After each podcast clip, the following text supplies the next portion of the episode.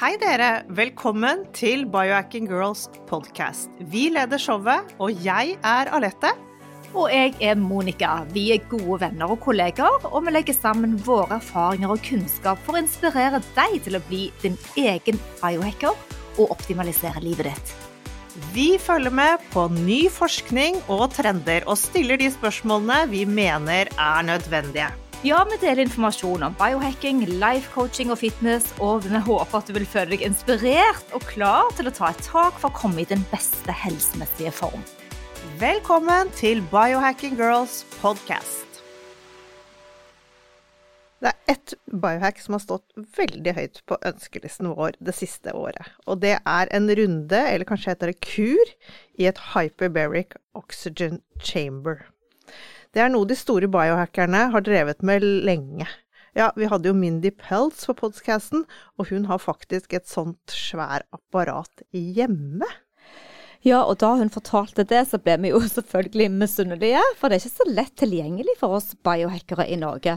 Vi har jo hatt uh, Tim Gray, Tim Biohacker fra UK. Han anbefalte oss å komme til London og teste hyperbaric oxygen chamber. Det har vi ennå ikke gjort. For det er litt vanskelig å få innpass til den type terapi, og særlig som hjemmebehandling. Haukeland universitetssykehus tilbyr behandlingen og tar imot pasienter fra hele landet, men vi er jo ikke i den kategorien. Vi har ikke stråleskader eller eh, dykkesyke av dette? Nei, eller knokkelinfeksjoner eller diabetes, sånne fotsår. Men den siste tiden er det faktisk kommet billigere modeller. Ikke at de er billige, men billigere modeller på markedet. Så små klinikker og også privatpersoner kan ta disse maskinene i bruk. Dette er gode nyheter for oss for hyperbar oksygenbehandling har mange flere bruksområder enn dem vi nevnte fra Haukeland sykehus. Ja, og i dag er vi heldige å ha med oss Marie Gunnestad. Hun er legen med tre utdannelser. Hun er både sykepleier og så en mindset coach. Og da ikke dette var nok, så ble hun òg lege. Hun driver en klinikk i Bærum som heter Health Optimizing, veldig kult navn. Og deres fokus er helhetlig helse, der man ikke benytter medisiner som førstevalg, men heller leter etter årsakene bak sykdom. For at hun skal kunne hjelpe på en helhetlig måte. Og her på Health Optimizing har de faktisk Hyperbaric Chambers. Og nå gleder vi oss veldig til å snakke med henne. Velkommen Marie Gunnestad. Det er så hyggelig å ha deg her i studio med oss. Tusen takk, det er så hyggelig å få komme hit. Vi har så mye vi har lyst til å snakke med deg om, men vi kan kanskje starte litt med deg. Hvordan du endte opp der. For du har jo vært fastlege i mange år og hatt din reise. En eh, spennende reise. Ja, en eh, interessant eh, hvor du selv òg ble utbrent og kjente at du ikke klarte å gi det pasientene dine trengte. Skal vi starte der? Det kan vi godt. Eh, det var når jeg jobbet som fastlege på Hønefoss. Um, og det var jo en kombinasjon av det store stresset som, eh, som fastleger eh, jobber under. Så da når det skjedde ekstra ting på hjemmefronten, så ble det dråpen som fikk begeret til å renne over.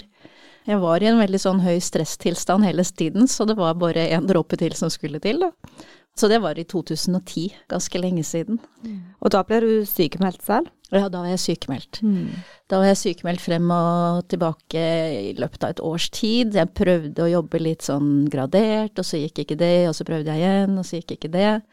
Så da etter et år sånn frem og tilbake, så, så skjønte jeg det at jeg måtte ta ansvar for mitt liv. Hvis jeg ville ha et annet resultat, så måtte jeg gjøre noe annet. Så da ble det til at jeg solgte den praksisen, da. Ja, for vi ser jo veldig mange terapeuter og leger som vi snakker med som får en sånn relasjonstretthet, eller om man blir på en måte litt pessimistisk, for man klarer ikke å gjøre det man egentlig har bestemt seg for eh, når man utdannet seg å gjøre. Mm. Og det må vel da virke veldig håpløst å brenne og tære på energien. Ja, jeg tror det gjorde det. Jeg var ikke så bevisst på det da, men etter påklokskapen så tror jeg nok at det også hadde mye å si. At jeg følte at jeg fikk jo ikke de resultatene som jeg drømte om når jeg begynte på medisinstudiet. Men jeg syns det er veldig kult det du sier om at du, du måtte ta faktisk hånd om din egen helse. Og dette er jo litt annerledes enn det jeg går ut fra med å lære på et medisinstudie. Der gir man jo medisiner og sånne ting. Og det, du skjønte plutselig, når du selv ble syk, at dette måtte du faktisk finne ut av selv. Veldig imponerende. Eh, takk for det. Ja, ja. Men hvor, hva, hva var det som liksom klikket? Hva var det som gjorde at du Ja, begynte på denne? jeg. Ja. Altså, det var jo Jeg holdt jo på frem og tilbake i et år, da, med å prøve å jobbe, og så gikk ikke det og sånn. Sånn at, eh, at eh, Nei, hva var det som klikket Men tok da? Du var- medisiner Eh, nei. Nei, det gjorde Det du ikke. var en litt sånn øyeåpner, faktisk. Når jeg var hos fastlegen min, og han tilbød meg antidepressiva, da Det tror jeg nesten var en Kanskje det var da det klikket. Kanskje det, ja. ja. Og i tillegg så har du da en utdannelse som eh, coach, eh, ja, som går på det litt mer spirituelle planet da. Kan du fortelle litt om det? ja, det kom jo da senere. Ja. Eh, Det var vel i 2017. Ja. at jeg eh, havnet inn på en sånn eh, Law of Attraction coaching-utdannelse. Det var online fra USA. Og jeg visste ikke egentlig hva det var for noe. Jeg hadde sett den filmen The Secret en del år før, men da hadde jeg ikke på en måte helt catcha poenget. Jeg var vel ikke klar. Så da Det kom jo på Facebook reklame for det, og så klikket jeg på det, og da kommer det mer, ikke sant. Og da syntes jeg det var så spennende, og jeg kjente så sterkt inni meg at jeg skulle gjøre det. Og jeg trodde jo egentlig bare at det, det var coaching. Jeg tenkte ja, jeg kan jo bli coach, og jeg liker jo å prate med folk, og så lærer jeg litt mer om den der law attraction ved siden av, da. Så jeg visste ikke egentlig at det kom til å forandre hele måten jeg så på verden på. Og medisin. Og medisin. Ikke Ja. sant? For det er jo dette vi bare elsker med din approach. Eh, Maria Gunnestad, altså syns det er så herlig. Altså det er ikke noe sånn én vei, bare. Den medisinske eh, praksisen som går klinisk og rett fram. Du, du ser mye større på kundene dine. Ja, det er jo det jeg lærte egentlig når jeg begynte å åpne opp for det spirituelle. At eh, jo mer åpne man er for at eh, løsningen kan komme fra forskjellige steder, jo mer, jo mer løsninger kommer det egentlig. Hva er egentlig law of attraction? Law of attraction er en universell lov, dvs. Si at den gjelder absolutt overalt, absolutt hele tiden, uten noen unntak. Og den eh, går ut på Det den sier er at likt tiltrekker likt. Men hva er det som tiltrekker hva? Jo, det er energier, da. Fordi at eh, verden, hele universet, består av energier på forskjellige frekvenser. Sånn at med, med tankene våre og følelsene våre så sender vi ut frekvenser. Med ordene våre også, eh, og det vi gjør. Med intensjonene våre. Og det vi sender ut, summen av det vi sender ut, bestemmer det vi får tilbake. Så egentlig da i det hele så betyr det at eh, det livet vi får, det skaper vi 100% selv. Men det er jo derfor du sitter her òg. For jeg er helt overbevist om at jeg har møtt deg av en grunn. Og du dukker opp i alle sammenhenger med meg og Lette. Du er på den ene konferansen etter den andre, og vi har felles bekjente. Og, så, så jeg tror virkelig på det du sier. Altså, det er en attraksjon der. Det er en mening, en dragning et eller annet sted. Ja, det tror jeg også, at eh, sånn er det med alt. Ja. Og i dag skal vi snakke om et superinteressant tema.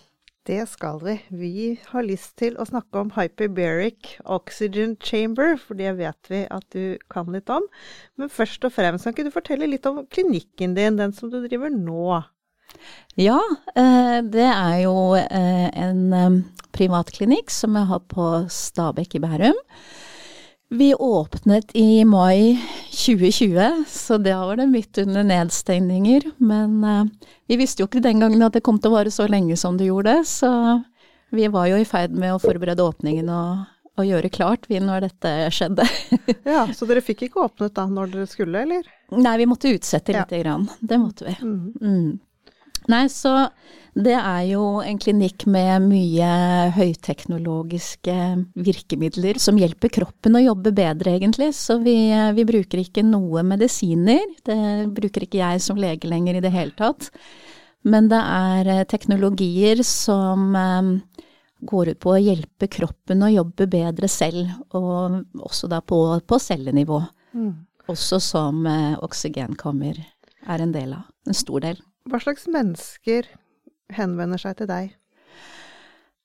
Som vil komme innom din klinikk, ja? Ja, det kan jo være hvem som helst. Mm. De som er opptatt av å optimalisere helse, altså biohacking, Mm. de kan også komme, men sånn som det er nå, så er flesteparten folk som allerede er i ganske stor ubalanse og trenger mye hjelp. Men det beste hadde vært om det kunne nå ut til folk at det er så mye man kan gjøre selv for å forberede. Derfor så er det så utrolig bra med podkaster, og det er så mye som skjer nå. Så hva gjør f.eks. hvis vi kommer til deg, hvordan kartlegger du en uh, klient? Vi begynner alltid med det vi kaller for en skanning. Det er en helseundersøkelse som vi gjør med hjelp av teknologi, hvor man kobles opp til en, eh, en blanding av forskjellige målinger som er koblet til en datamaskin. Så vi måler for eksempel eh, puls og oksygenmetning, legger inn blodtrykk, høyde, vekt, samtidig med at det sendes elektriske signaler, og det plukkes opp hvordan de signalene forandrer seg på vei gjennom kroppen. Og så er det da en datamaskin som kan gjøre så utrolig mange beregninger på mye kortere tid enn vi kan, så vi får veldig, veldig mye informasjon om hvordan kroppen fungerer akkurat her, akkurat nå. Og så bruker vi det til å lage en individuell behandlingsplan gjennom de teknologiene som vi har på klinikken. Ja, teknologien er rå. Den, den, den, kan brukes til mye. Men så da, når du da har fått Du har vært gjennom min kropp, hvordan går vi da videre? Uh, vi lager en individuell behandlingsplan ut fra hva, den, uh, hva, hva, den, undersøkelsen viser. Uh, sånn at, at, det blir jo da en kombinasjon av de teknologiene vi har. Vi går jo også gjennom kosthold og gir kostholdsråd og bevegelsesråd. Sånn at, og også mindset er jo kjempeviktig. det er jo mitt hjertebarn. Så, så ja, så vi har en tilnærming hvor vi hjelper på, på, flere plan samtidig, og det også gir bedre resultater. Hva, hva heter disse behandlingsformene dere har da? Den aller eh, viktigste som vi har hatt et års tid, er jo hyperbar oksygenterapi. Ja, den skal vi snakke mye om i dag. Ja. ja. men, eh, men, så har vi også eh, apparater som øker den elektriske spenningen i celleveggen, sånn at det blir lettere med utveksling av elektrolytter mellom innsiden og utsiden av cellene. Og så har vi en teknologi som da øker den utvekslingen av elektrolytter, sånn at eh, mitokondriene får en skikkelig push. Eh, vi gir eh, intravenøse vitaminer, som også er veldig fint å gjøre i kombinasjon med hyperbar oksygenterapi. Og så har vi også frekvensbehandling, altså sånn ja, det blir jo nesten eh, rett, ren biohacking, ja. hvor man eh, kan sende inn frekvenser som eh, kan gi kroppen en påminnelse om hvordan den egentlig skal vibrere. Da. Og alt dette kan måles. Du har da selvfølgelig et utgangspunkt hvor du møter kunden din, og så etter en del behandlinger så vil du da kunne måle at resultatene blir bedre. Ja, vi tar jo da en, en sånn skanning til eh, underveis og ser eh, hva har skjedd, og, og hvor skal vi gå videre? Så utrolig bra. Målbart og fint, men ser, ser man uh, at ting blir bedre? Ja. ja. Folk føler seg bedre. Ja, folk føler seg bedre. ja, vi ser at, ja. uh, at, ting blir bedre, og det er jo det som er uh, det aller beste. Ja. Fordi det er jo derfor jeg studerte medisin, i hvert fall opprinnelig, fordi jeg ønsket å hjelpe folk. Mm. Sånn at nå føler jeg jo at at det har jeg mye større muligheter til nå enn da jeg jobbet som fastlege. Mm. mm. Helt fantastisk. Men skal vi gå over på denne hyperbar oksygenbehandlingen? Kan ikke du forklare hva det er, først og fremst? Jo, det er altså et avgrenset eh, rom. Det som vi har, vi har to stykker foreløpig som er for én person av gangen. Men det fins jo andre typer hvor det er plass til flere. Og inni det, inni det rommet så kan man da endre trykket. Sånn at vi øker trykket. Det blir på samme måte som om man skulle dykke. Sånn at det blir høyere trykk inni det avlukkede rommet. Og så er man der eh, veldig ofte 60 minutter, noen ganger 90. Og, og da får man 95,8% oksygen på maske eh, og puste mens man er der. Eh, og det, eh, det er jo sånn at i luften som vi puster her, så er det 21 oksygen. Mm. Vi gir også en blanding av eh, viktige vitaminer og mineraler å drikke før, før medlemmene våre går inn i kammeret.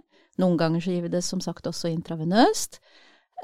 og det som skjer med En av de tingene som skjer med cellene når trykket øker, er at de tar opp mer av det de får tilbud om.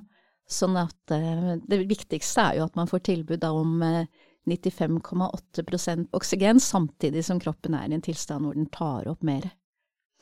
Ja, det er helt fantastisk. Uh, og hvor du sier 60-90 minutter.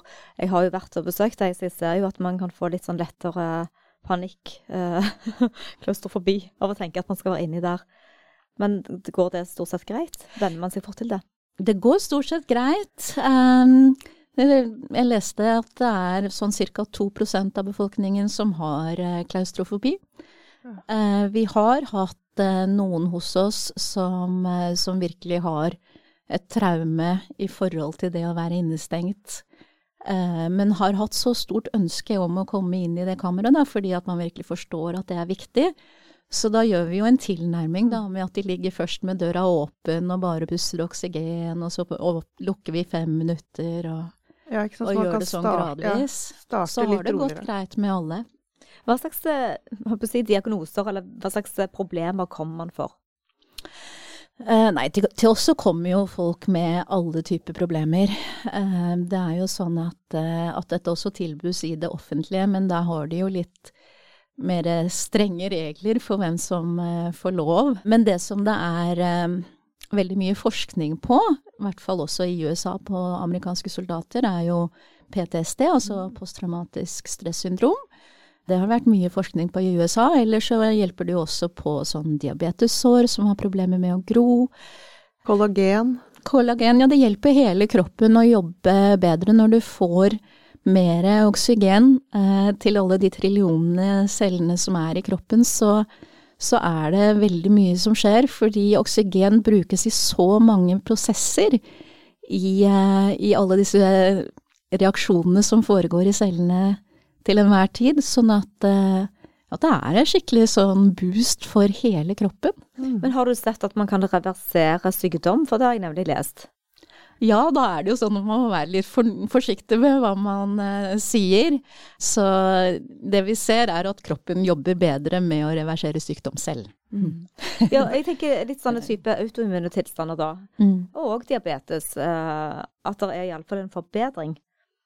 Ja, diabetes type 2 er jo også veldig viktig når man da ser på livsstil med kosthold og trening. Mm. Og med de tingene sammen så kan man absolutt eh, få gode resultater i forhold til det. Og det er jo litt sånn parallelt med hjerte-karsykdom, så, så, er det virkelig morsomt. Der ser vi veldig stor effekt når vi gjør det, den skanningen etter en del ganger i kammeret, så, så ser vi virkelig morsomme eh, resultater. Uh, så ja, mm, diabetes. Ja, og det lurer jeg på da, Kan man se f.eks. enten på kolesterolnivåene, LDL, kan man se eh, plakkdannelse på hovedpulsåren? kan man se sånne typer reduksjoner helt konkret? Ja, altså det vi ser er um, blodtrykket går ned. De apparatene som vi bruker har tall som gir en indikasjon på plakkdannelse i halskarene.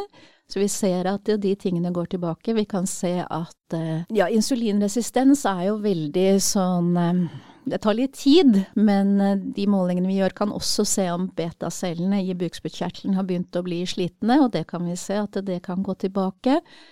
Mange ting sammen da, som, som gir en, en mye bedre et mye bedre utgangspunkt for hjertet til å, å forsyne alt vev i kroppen med det det trenger. Tåler alle denne behandlingen, hyperbare oksygenbehandling, eller er det noen bivirkninger? Nei, det er egentlig ikke noe særlig bivirkninger. Det er jo sånn at det er når man endrer trykket, det er litt sånn som når man sitter i et fly, når det går opp eller det går ned, så kjenner man jo trykkendringen i øregangene. Sånn at eh, hvis man har eh, forkjølelse, er litt tett i eh, bihulene, da kan det være smertefullt. Jeg prøvde det en gang. Bare, det var helt sånn i begynnelsen av at jeg kjente oi, nå blir jeg litt forkjølet. Jeg hopper i kammeret, så kan jeg snu den utviklingen. Men da, da måtte jeg avbryte og gå ut, og det Jeg har ikke egentlig noen sånn problem med tette bihuler, så det, det, merket jeg veldig godt selv. Så vi må jo alltid spørre folk om de er forkjølet, og, og folk er jo også forskjellige i forhold til hvor sensitive de er for sånne trykkendringer i ørene. Mm. Sånn at uh, der har vi også en sånn gradvis tilvenning hvor vi anbefaler de første gangene litt tett, sånn at, uh, at du også har en sånn tilvenning. Uh, så det er en bivirkning.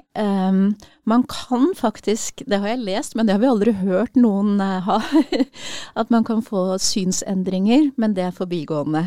Ja. Ja, også som sagt, bare lest, ikke opplevd med noen av de vi har behandlet foreløpig.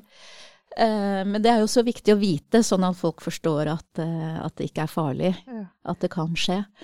Um, ja, skal vi se. Også, jo, det har jo vært noen teorier om at det kunne være farlig for eh, luftveisinfeksjoner, men eh, studier viste at det var ikke det allikevel.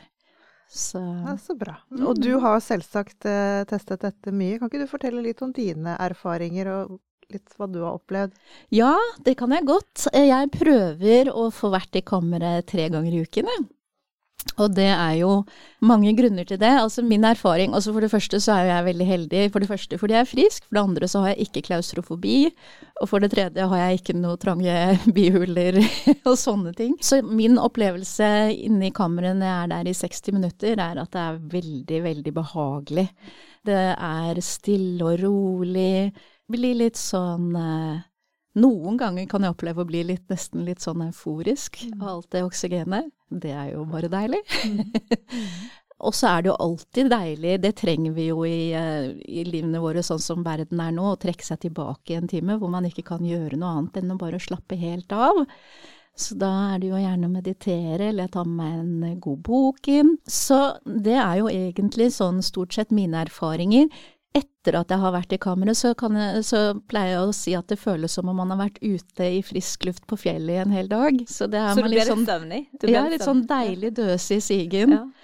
Um, ellers så er jo jeg frisk, så jeg kan jo ikke si at jeg har så store, store helseendringer, men jeg ser på det som biohacking og holde meg frisk så lenge som mulig, og kanskje til og med bli yngre og yngre. Ja, ikke sant? Så, men kan du, kan du etter en dag i kammeret, kan du kjenne at du har en bedre natts søvn, f.eks.? Ja. Ja. Må, Mm. Måler du det på noen som helst måte? Nei, jeg har ikke målt det. Nei. Vi er jo biohackere og vil optimalisere, og da vil vi veldig gjerne få testet dette her. Kan du, kan du anbefale dette her til vanlige folk som ikke har noe plager? Sånn kun optimalisering? Ja, absolutt. Mhm. Det er jo jeg selv da i den kategorien, og, jeg må bare si at jeg digger det. Vi, vi er litt opptatt av mitokondriell helse. Ja. Kan du fortelle oss hvilke fordeler denne terapien kan ha på mitokondriene våre? Ja, altså det, det er jo det tilbudet av eh, 95,8% oksygen samtidig som kroppen er i en tilstand hvor det tar opp mer. Mitokondriene er jo eh, energifabrikken i cellene, og de trenger oksygen for å produsere energi. Så, og den energien som cellene produserer, bruker de til å rette opp i ubalanser og holde ting i balanse. Sånn at jo mer oksygen, jo bedre energiproduksjon, og dermed også jo bedre cellehelse. Og da igjen bedre for hele kroppen. Andre ting da, som vi kan forvente oss der inne? For eksempel Ja. Ja, Da må jeg prøve å bruke litt sånn logisk tenking. Ja. Men autofagi går jo på hvor bra cellene jobber. Sånn at eh, sånn logisk sett, uten at jeg har lest noe forskning på akkurat det, så, så vil jeg jo tro at eh, jo bedre kroppen, eh, cellene jobber, jo mer autofagi vil de jo også gjøre. Ja, Rett og slett. Men det blir sånn logisk eh, når jeg ser for meg nå. Det må jeg si jeg ikke har lest noe om. Ja, bare om de kan trigge cellefornyelse, sånn som så faste f.eks. gjør. eh, Og dette er jo òg en ikke ekstrem, da, men det er jo en påkjenning for kroppen å sitte inne i eh, kammeret. Så, så jeg tenker litt sånn om man gir fri fra all annen type ekstern påvirkning, som at bare cellene får gjort jobben sin. Det er jo det man gjør med faste, f.eks.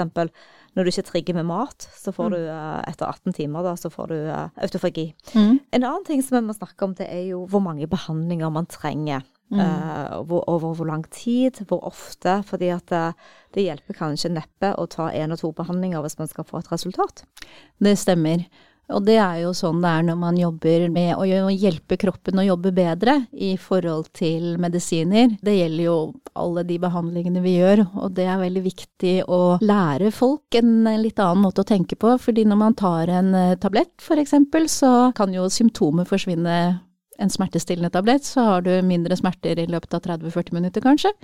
Men hvis du skal hjelpe kroppen å jobbe bedre selv, som jeg mener er mye lurere, så tar det litt lengre tid før man får merkbare resultater. Og hvor mange behandlinger man, man trenger av hyperbar oksygenterapi er jo selvfølgelig helt individuelt ut ifra utgangspunktet og hva man ønsker å oppnå. Det er jo forskjellige tilstander og dette forskes det veldig mye på nå. Men vi anbefaler i hvert fall de fleste mellom 20 og 30 ganger i kammeret før man Altså hvis man har en tilstand som man ønsker å reversere og se resultater, så må det såpass til. Og da anbefaler vi de fem første ganske tett, gjerne i løpet av en uke, for at kroppen skal venne seg til det, og etter det to til tre ganger i uken. Og så blir det da vedlikeholdsarbeid etter hvert, da? Mm. Ja, hvis man ønsker å fortsette, så blir det jo det. Mm. For ellers rykker du tilbake til start? Hvis du bare... Nei, det gjør man ikke. Nei. Det er faktisk varig, de endringene vi, ja, som skjer. Vi får jo håpe det. Nei, altså dette trigger jo blant annet at det, ikke sant, det produseres mer blodårer på steder i kroppen hvor, eh, hvor det trengs, f.eks. Og det går ikke tilbake igjen. Det har forskning vist at det er varige endringer. Måler dere HRV på ja, disse? Ja. Ser, man, ser man, forskjell når man har eh, vært gjennom denne terapien? Ja, ja? Det, det, gjør man. Men, ehm, og vi ser hvor, måler også hvordan det sympatiske og det parasympatiske nervesystemet jobber. Hvordan måler du det? Det er i, i den um, skanningen som vi gjør på begynnelsen. Og det er jo formler som ligger inne i datamaskinen, det da, med, med hvordan HRV er sammen med blodtrykk og høyde og vekt og kjønn og alder, så, så ligger det jo formler inne i maskinen som gjør eh, beregninger på dette her, da. Den maskinen høres jo helt magisk ut. Er det sånne, sånne gammeldagse elektroder du putter eh, på deg, eller er det bare en hånd, håndflate, eller hvordan, du, hvordan er, måler du? Du måler eh, med elektroder i eh, Du har en, to elektroder i panna, ja. og så har du hendene og føttene på elektroder. Ja. Eh, eller sånne plater da, som, ja. som plukker opp, som sender elektriske signaler og plukker opp hvordan de forandrer seg på veien gjennom kroppen. Men da skjønner jeg veldig godt hvorfor uh, denne type behandling virker på posttraumatisk stress. Fordi at du da får et godt bilde av det parasympatiske mm. og det sympatiske nervesystemet som mm. utgangspunkt, og så kan du se bedringen, at man har uh, lavere stressrespons etter hvert. Mm. Er det det du ser? Ja. ja. Og da går det på tall eller på frekvenser, eller hvordan? Det er tall som ja. maskinen gir målingene i. Mm. Høres veldig nyttig ut. Ja, veldig. Og man kan godt komme og få en sånn type analyse uten å nødvendigvis måtte gå i eh, oksygenkammeret. Ja, det kan man helt klart. Mm. Um, det er jo ikke alle som kommer til oss som vet at vi har oksygenkammer. Hvordan fant dere navnet Health Optimization? Etter at vi fikk eh, kammer, så har vi gått inn i et samarbeid med Carino helse, så nå heter vi faktisk Carino eh, Health Optimizing. Og Carino står for Karibien eh, Norge, fordi vi også da har et senter på øya Nivis i Karibien. Så da, da finnes det tre senter?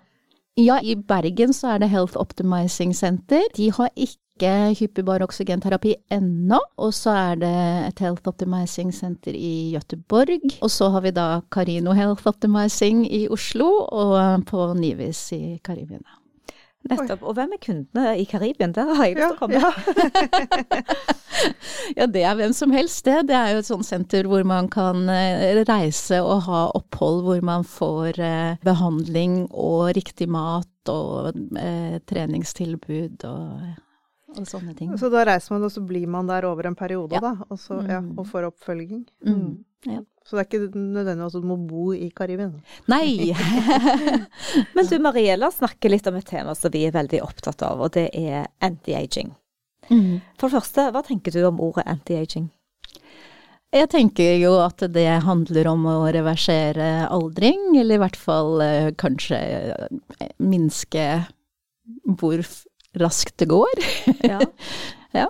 Er det mange som er opptatt av det, av de som kom til deg? Nei, det er det ikke. Eh, det kan brukes til anti-aging, også hyperbar oksygenterapi, og jeg har venninner som spør meg om det. ja, ja. Eh, men, men, de som kommer til oss, er, eh, kommer fordi de er syke. Så vi har dørene åpne for, for de som ønsker å komme av andre grunner også. For det er jo nettopp vår grunn til å synes dette er interessant, og så ja, på Og da tenker vi ikke på rynker, men vi tenker mer på organene våre og holde de friskest mulig. Mm. Ikke sant? Men jeg er litt nysgjerrig på de, nå har vi snakket en del om uh, hyperbarterapien. Jeg er litt nysgjerrig på de andre tingene dere driver med også. Kan du bare nevne litt av det? Ja, eh, som sagt så har vi da et apparat som øker spenningen i celleveggen, sånn at det blir lettere for elektrolyttene å gå over celleveggen mellom innsiden og utsiden. Og det gjør det altså ved å sende ut eh, elektriske støt som, eh, som, går inn Altså det virker lokalt, vi holder det inn til det området som vi ønsker å, å behandle. Eh, det er et av apparatene, som sagt. Og så har vi eh, magnetmatte, som da kan påvirke elektrolyttene til også at de da har, eh, øker utvekslingen mellom innsiden og utsiden av celleveggen. Så de to tingene sammen får da mitokondrene til å, å produsere mer ATP. Vi har også et utrolig spennende um, undersøkelsesapparat som, uh, som, jeg har blitt veldig glad i, og som jeg aldri hadde hørt om før jeg var i Bergen og ble vist rundt på klinikken der, som kan måle hvordan det er med magesyreproduksjon i magesekken. Det er så viktig, fordi da jeg, da jeg kom til Bergen på omvisning på klinikken der for å se om jeg ville starte en sånn klinikk i Oslo, dette eh, har sikkert dere hørt mange ganger før, dere som er biohackere. Og sikkert mange av de som eh, jobber for dere, nei, jeg hører på dere også, men jeg hadde aldri hørt om det før. At grunnen til at brenninger, eh, brenninger og sure oppstøt er for lite magesyre og ikke for mye. Mm. jeg hadde aldri hørt om det før.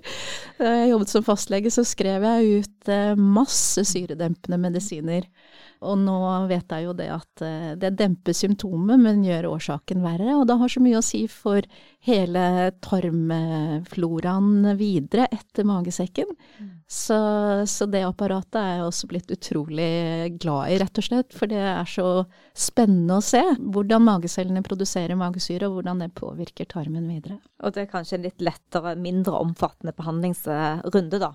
Du trenger ikke så mange ganger. Hva tenkte du på? Du trenger ikke så stor behandling. Eh, du viser resultat ganske fort. Hvis det er for lite magesyre, tenker ja, du på? Ja. ja. det er en del behandlinger eh, som skal til, men eh, ikke så mange. Eller Ja, i forhold til det oksygenkammeret som vi har som ja. det, det, er ikke et år med, med innsats. Ja. ja ja, nei, nei, det skal ikke så mange ganger til. Det skal det ikke. Nei. Hvilke type IV-injeksjoner gir dere? Eh, det er eh, vitaminer. Vi har eh, C-vitamin, B-kompleks, altså flere B-vitaminer, og D-vitamin, og så vi, kan vi også gi magnesium. Det er det vi stort sett gir. Mm. Er det sånne pakker man kjøper da, eller tar du én og én? Nei, vi blander flere. Ja. ja. Mm. Mm. ja. Spennende. Mm. Ja. Men dette med magnesium, uh, ja, setter du sammen da i forhold til hver enkelt uh, kunde da, som har et problem, eller tar du blodprøver i tillegg for å måle? Vi kan se det, indikasjoner på det på den undersøkelsen som vi gjør, men vi ber også medlemmene om å ta blodprøver hos fastlegen sin og ha med resultatene. Det er mye billigere for dem å gjøre det hos fastlegen. Og så på sikt så har vi jo et ønske om å komme i gang og ta blodprøver selv også, men vi har ikke helt kommet dit ennå. Så du, du, omtaler stadig alle som kommer til deg som medlemmer, så nå må vi få høre litt hva dette medlemskapet består av. Ja. ja, nei, det er, og så kommer, kommer, man til oss, så, så blir man omkalt, omtalt som medlem. Da er man rett og slett medlem av vår store helsefamilie. Vi syns rett og slett at det er et bedre ord enn pasient, enn klient, eh, som er litt sånn sykeliggjørende ord. Så, så vi ønsker også, også, heller ha et ord med en eh, Hva skal jeg si, kanskje rausere energi. Ja. Mm. Det, er veldig bra, for at eh, da vi kom, var på vei her til podkasten i dag, så tenkte jeg litt på det. Om vi skulle spørre eh, Marie om, om dette med pasient. For jeg føler ofte det er fremmed med alle de legene vi snakker om, og vi bruker ordet pasient og klient.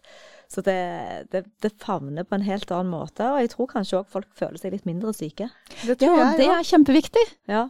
Da snakker vi om law of attraction. Ja, De skal jo føle seg på vei til å bli friske, i hvert fall. Mm. Mm. Og så tror jeg òg er en eh, bedre balanse, mm. likevekt, uh, i forhold til uh, respekt for hverandre òg, som mm. individer. Så det er ikke sånn at man betaler noe medlemskap når man er medlem. Man kommer, og så er det det man er, men en del av noe større. Ja. Fantastisk. Mm -hmm. Kan vi snakke litt om priser òg, for det er jo kostbare ting. Dere, dere er private og har dyre apparater. Så hva kan man regne med at det koster å gjøre en behandling, f.eks. med kammeret?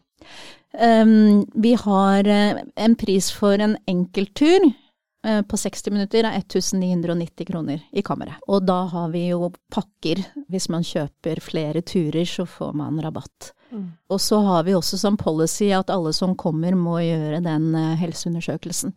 Så den pakken som vi selger mest av, som vi anbefaler, også fordi vi Eh, som jeg nevnte i stad, at man trenger flere behandlinger enn én, så har vi en pakke hvor man får 20 behandlinger og den helseundersøkelsen før og etter, hvor man da får 30% rabatt hvis man kjøper den pakken.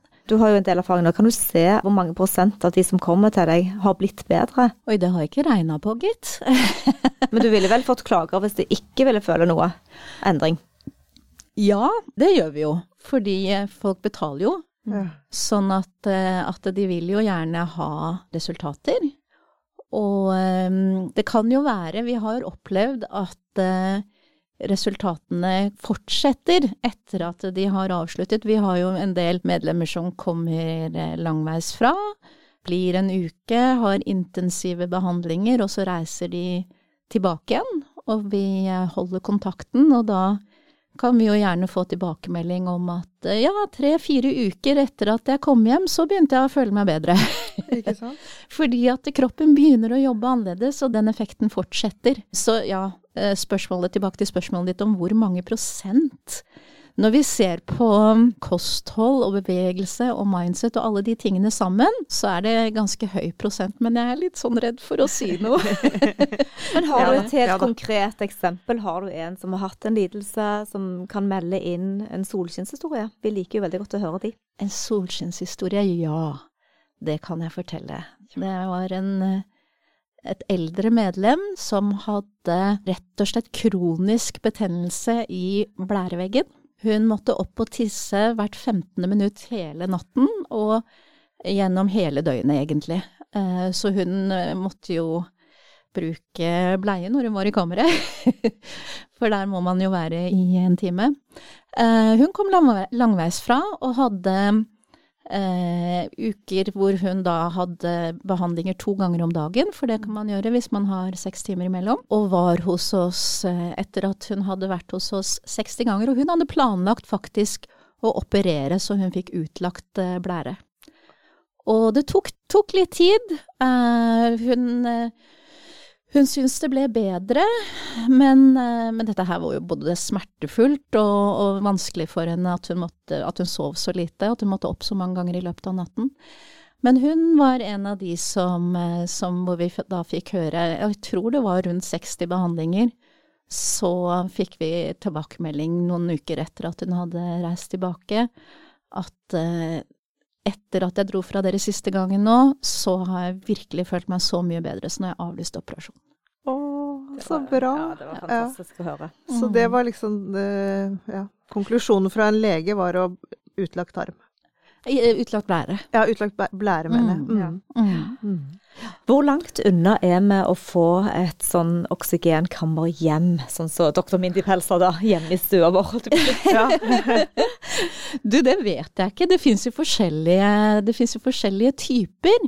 Så vi har jo et metallkammer som kan gå til eh, høyere trykk, som er viktig for eh, hvis man vil behandle f.eks. nervesystemet, sånne ting, for å ha et for vedlikehold og biohacking hjemme, så trenger man jo ikke det som er i metall. Og da finnes det jo andre kamre som er Jeg vet ikke helt hva det er laget av, men, men det er eh, sånn med glidelås og, og sånn, og det kan jeg tenke meg er billigere. Selv om jeg mm. ikke vet prisen, så vil jeg tenke meg at det er billigere. Mm. Og, og, da er det jo sånn at eh, når det ikke er blåst opp, så, så kan man brette det sammen. Oh, ja. Det er litt sånn som disse saudateltene. Ja, ja, ja, det var det jeg så for meg. Nei, du, dette var veldig lærerikt. Uh, Marie, tusen takk for at du kom, og vi skal jo høre mer fra deg. Det er vi ganske sikre på, at vi har så mye spennende vi kan snakke om fremover òg. Ja. Vi skal legge inn uh, link til hjemmesiden. Mm -hmm. Og hvordan folk kan finne dere. Mm -hmm. Er det noe ellers du føler at du skal si, hvor uh, de kan kontakte deg? Uh, nei, når dere får lenke til hjemmesiden, så er jo all informasjon Ja. der. ja, men det var veldig Tusen takk for at du kom. Ja, Tusen takk for at jeg fikk komme. så lærerikt og så spennende. Dette Ja, dette blir gøy. Ja, det blir gøy. Vi får ta oss en tur til Bærum, Alette, og så sjekke ut litt hva som foregår i kulissene der. Det får vi gjøre. Ja, Dere er hjertelig velkommen. Tusen takk. Da får vi si bare alle sammen Ja. Happy biohacking!